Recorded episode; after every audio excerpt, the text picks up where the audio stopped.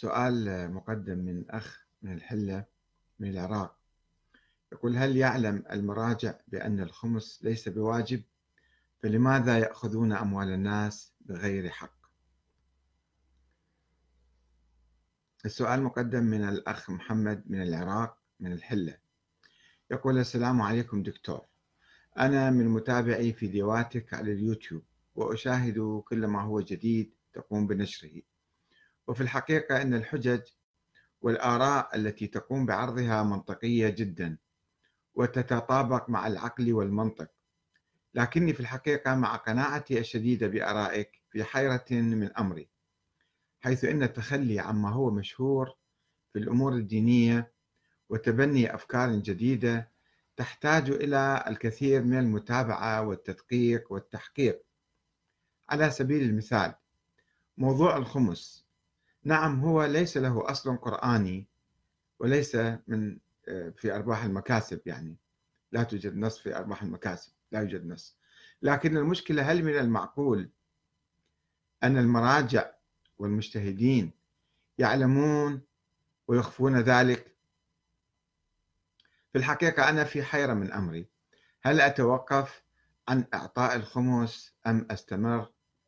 فمن ناحية أن الخمس ذكر في القرآن الكريم ويقصد به ليس أرباح المكاسب كما تعلم.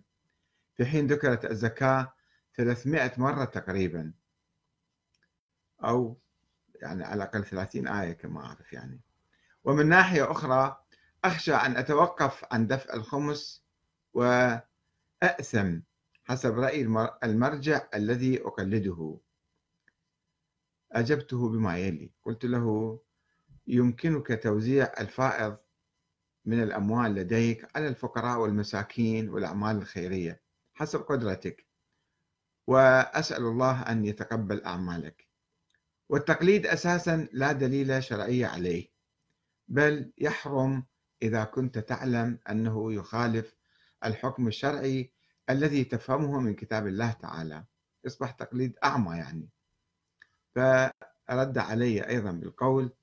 طيب دكتور برأيك ومن, خلال خبرتك الكبيرة بالحوزات والمرجعيات هل المراجع يعلمون بأن الخمس هو ليس بواجب؟ وإذا كانوا يعلمون فلما يأخذون أموال الناس بغير حق؟ أم أن لديهم قناعات وأدلة أخرى بوجوب دفع الخمس؟ هل سبق وأن ناقشتهم بهذا الموضوع؟ وما كان جوابهم. في الحقيقة في رسالة الأخ محمد عدة أمور. فمن ناحية يقول يعني هو يستمع إلى الكلام ويفكر ويقتنع ولكن المشكلة في المشهور من الناحية الدينية وهذه المشكلة ليست تخص عامة الناس يعني الناس الغير مجتهدين هي حتى لدى المجتهدين الذين يجتهدون وقد يصلون إلى آراء جديدة ولكنهم يقولون كما رأيت أحدهم يكتب ذلك في في درسه الخارج يعني المطبوع. يقول يعني مخالفة المشهور مشكل والبقاء على هذا الرأي السائد أيضا أشكل لأنه لا دليل. فهم بعضهم محتارين. في بالنسبة للاجتهاد آه، كثير من ما يسمى بالعلماء في الحقيقة والمراجع يعني آه، تقوم مرجعيتهم على الدعاية والإعلام. ولا نقول هسه المال اللي وزعوه على الوكلاء أو على الطلبة أو على كذا أو القوة التي يملكونها في المجتمع. وإنما آه، يعني دائما يعني هم المفروض فيهم أنه يجتهدوا ويتعمقوا ويتوسعوا يحققوا ويدققوا. ولكن الظاهر في الحقيقة أو النتيجة اللي نشوفها وسوف أتحدث عن ذلك في يعني جواب آخر لسؤال آخر عن هذا الموضوع. هم ما يجتهدون بدقة.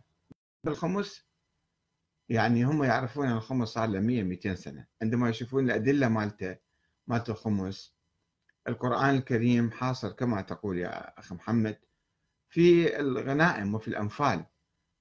الأنفال يعني أملاك الدولة العامة. يعني يجيبون أمثلة عديدة لها آه، مو أرباح المكاسب. أرباح المكاسب تدخل في الزكاة.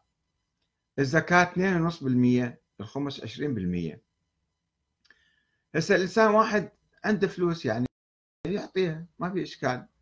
المشكلة أيضا أنه هذه المؤسسات الدينية أو المرجعية تأخذ الخمس من الناس وتصرفه بدون حساب. فلا نعرف كم دخل من أموال من ملايين من مليارات ولا تستبعد من ذلك. وأيضا لا نعرف أين تصرف. يمكن يقدمون بعض آه، فواتير أو إعلانات أنه بنينا مستشفى هنا بنينا مستشفى هناك بنينا ميتم كذا وزعنا على الطلبة هالقد فلوس. طيب ما هو كم دخلكم من أموال وكم خرج؟ وأين الفارق؟ وأين البقية؟ وهذه الأموال اللي تيجي بالملايين أو بالمليارات ما تحتاج حساب كتاب حتى واحد يعرف يعني وين تروح الأموال؟ ولا يصير هيته كل واحد يجي يسرق وينهب من عندها باسم المرجعية والمرجع طبعا قد يكون رجل زاهد وأصلا في الاسم يأخذ من الخمس ويحتاط. حتى بعض المراجع يقال عندهم مثلا مزرعة ولا عنده تاكسي ولا عنده كذا يشتغل ويعيش عليه. ما ياخذ من أموال الخمس ابدا. ولكن هو باسمه هو يدير إمبراطورية يدير دولة شبه دولة يدير جمعية خيرية كبيرة عالمية فيها ملايين وفيها مليارات. ما لازم هذول الناس يشتغلون بالآلاف مئات الآلاف ربما يشتغلون في مرجعية كلهم ملائكة وكلهم أتقياء ورعين. ماكو واحد يسرق وينهب ويلعب ويتلاعب بالفلوس. ولا شلون يعني؟ مشاريع بالمليارات. مطار واحد في كربلاء كذا مليار مثلا. زي هذا منو؟ أشرف عليه شلون صار؟ كذا وين راح؟ يا شركة يا كذا. يعني هذه تحتاج حسابات وكتابات. ما نقول هذا رجل معمم. المفترض فيه يكون متقي ورع وكذا. ولكن قد يكون في الإدارة هو فاشل. أو الله أعلم شو يصير في الموضوع فالمشكلة إنه الخمس هم يعرفون يعني أي واحد يدرس في الحوزة يفتهم إنه هذا أدلته ضعيفة جدا واصلا هم عندهم رواية اللي أسست المرجعيه إنه أما الحوادث الواقعة فارجعوا فيها إلى رواه حديثنا هذا على أساس هذا كلام منسوب للإمام المهدي عبر أحد النواب الأربعة. طيب في نفس الرواية تقول وأما الخمس فقد أحللناه لشيعتنا شلون صار واجب بعدين؟ ولما صار عندهم واجب أصلا في القرن الخامس الهجري عند مشايخ الطائفة الشيخ المفيد والطوسي والمرتضى كانوا يقولون إحنا ما ندري شو نسوي به هذا الخمس. واجب مو واجب لمن نعطيه وين نوديه؟ نوزعه نضمه نخبيه. آه، شو نسوي فيه؟ منو منو يستلمه حتى يوزعه؟ كل الأشياء ما حد ما يعرفها لأنه مسألة بالقوة اختلقوها. ما كانت موجودة هاي المسألة.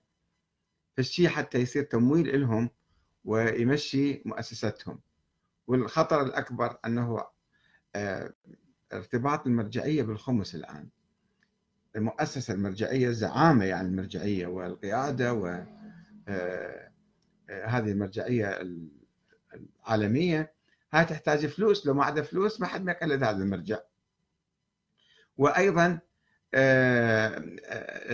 المرجعية توقفت عن التفكير توقفت عن الإصلاح توقفت عن نقد الخرافات والأساطير والبدع المستحدثة كل يوم لأنه يضر بالخمس إذا المرجع تصدى وقال هذا ما يجوز وهذا حرام وهذا ما يصير وكذا بعد ما حد ما حد راح يقلده. فلذلك يشوفون المرجعية عندنا عموما يعني. هسه يطلع واحد نادر مثلا يقول فت كلام حق عموما ما يتكلمون ما ينتقدون ما ي... يعني ما ي... آه، يتابعون الأشياء الخرافية والأسطورية. بالعكس قد هم يضطرون أو يعني يكيفون بالأحرى أنه آه، يعمقوا الخرافات والأساطير والبدع حتى يعيشوا عليها. فصار في الدورة سلبية دورة شيطانية عندنا صايرة. الخمس والمرجعية المرجعية والخمس الخمس والمرجعية والخرافات والأساطير تتداول بالنص. فما عندنا حركة نقدية ما عندنا اجتهاد حر ما عندنا اجتهاد حقيقي. وكل واحد قال لك أنا صرت مجتهد وجيب الخمس الي ويقوم يعني كل شيء يقول أوكي طيب هذا صحيح. ففي الحقيقة يعني ما يحتاج لواحد إذا واحد إنسان عادي أصلا ما يعرف الأحكام وما يعرف شلون يجتهد ويعرف يعني مصادر الاجتهاد يمكن يقول والله أنا ما أدري هذا حكم الخمس صحيح ولا مو صحيح بس لو واحد شوية عنده معرفة آه، بالدين معرفة بمصادر التشريع بالقرآن بالسنة النبوية بأحاديث أهل البيت الصحيحة بكذا شلون يجي يجيب لفت حكم جديد ويقول لك تعال مثلا أعطينا خمس المرجعية هي أساسا هي شيء جديد بدعة حادثة. قبل ألف سنة مشايخ الطائفة الاثنى عشرية كانوا يقولون التقليد قبيح التقليد الأعمى. وكل إنسان عليه أن يكون مجتهد وإذا ما يقدر يصير مجتهد لازم يفكر ويسمع يسمع منا ومنا يسمع به خاصة في المسائل الخلافية. يسمع كل الآراء ويختار الرأي الصحيح على مسؤوليته. مو يقول أنا قلدت فلان وذبها برقبة عالم واطلع منها سالم. هذا ماكو شيء من هذا بالدين. كل إنسان لازم هو يفكر ويشوف. أنت الآن مثلا ما مقتنع بهذا الشيء. يا أخي محمد. أن تعطي خمس مثلا لفلان أو فلتان. للمرجع اللي يقلدك تقلده أنت يقول لا تجيب لي إياه. أنت أصلا التقليد مو واجب. التقليد أنت تقلده في مسألة تعرف بها هذا حرام عليك. أنت عندك رأي فيها واضح. شلون تقلد واحد آخر؟ ليش؟ الله ما قايل لك اتبع هذا المرجع أو ذاك. ذول بشر ناس. قد يكون مخطئين وقد يكون هم يعرفون و آه، يعني منحرفين أيضا. فما يجوز أنت كل شيء يعني وحي نازل على المرجع حتى أنت تلتزم بتقليد المرجع. التقليد ما وارد عندنا. التقليد فشي حادث أيضا. التقليد حادث والخمس حادث. قبل 100 150 سنة ما كان موجود. لا التقليد كان موجود ولا الخمس كان موجود. سووه لما صارت المرجعية. والمرجعية مذهب جديد. مذهب غير المذهب الإمامي. يعني أعمدة المذهب المرجعي لا تقوم على أعمدة المذهب الإمامي. المذهب الإمامي كان يقول الإمام يجب أن يكون معصوما ومعينا من قبل الله وعلمه علم من الله علم لدني. بينما المرجع كقائد ينتخب من الناس وهو مو معصوم يقال أنه عادل الظاهر مالته العدالة. وهو مو معصوم وهو علمه ليس من الله إنما بالإجتهاد. مو علم لدني. فشوفوا ثلاث صفات رئيسية.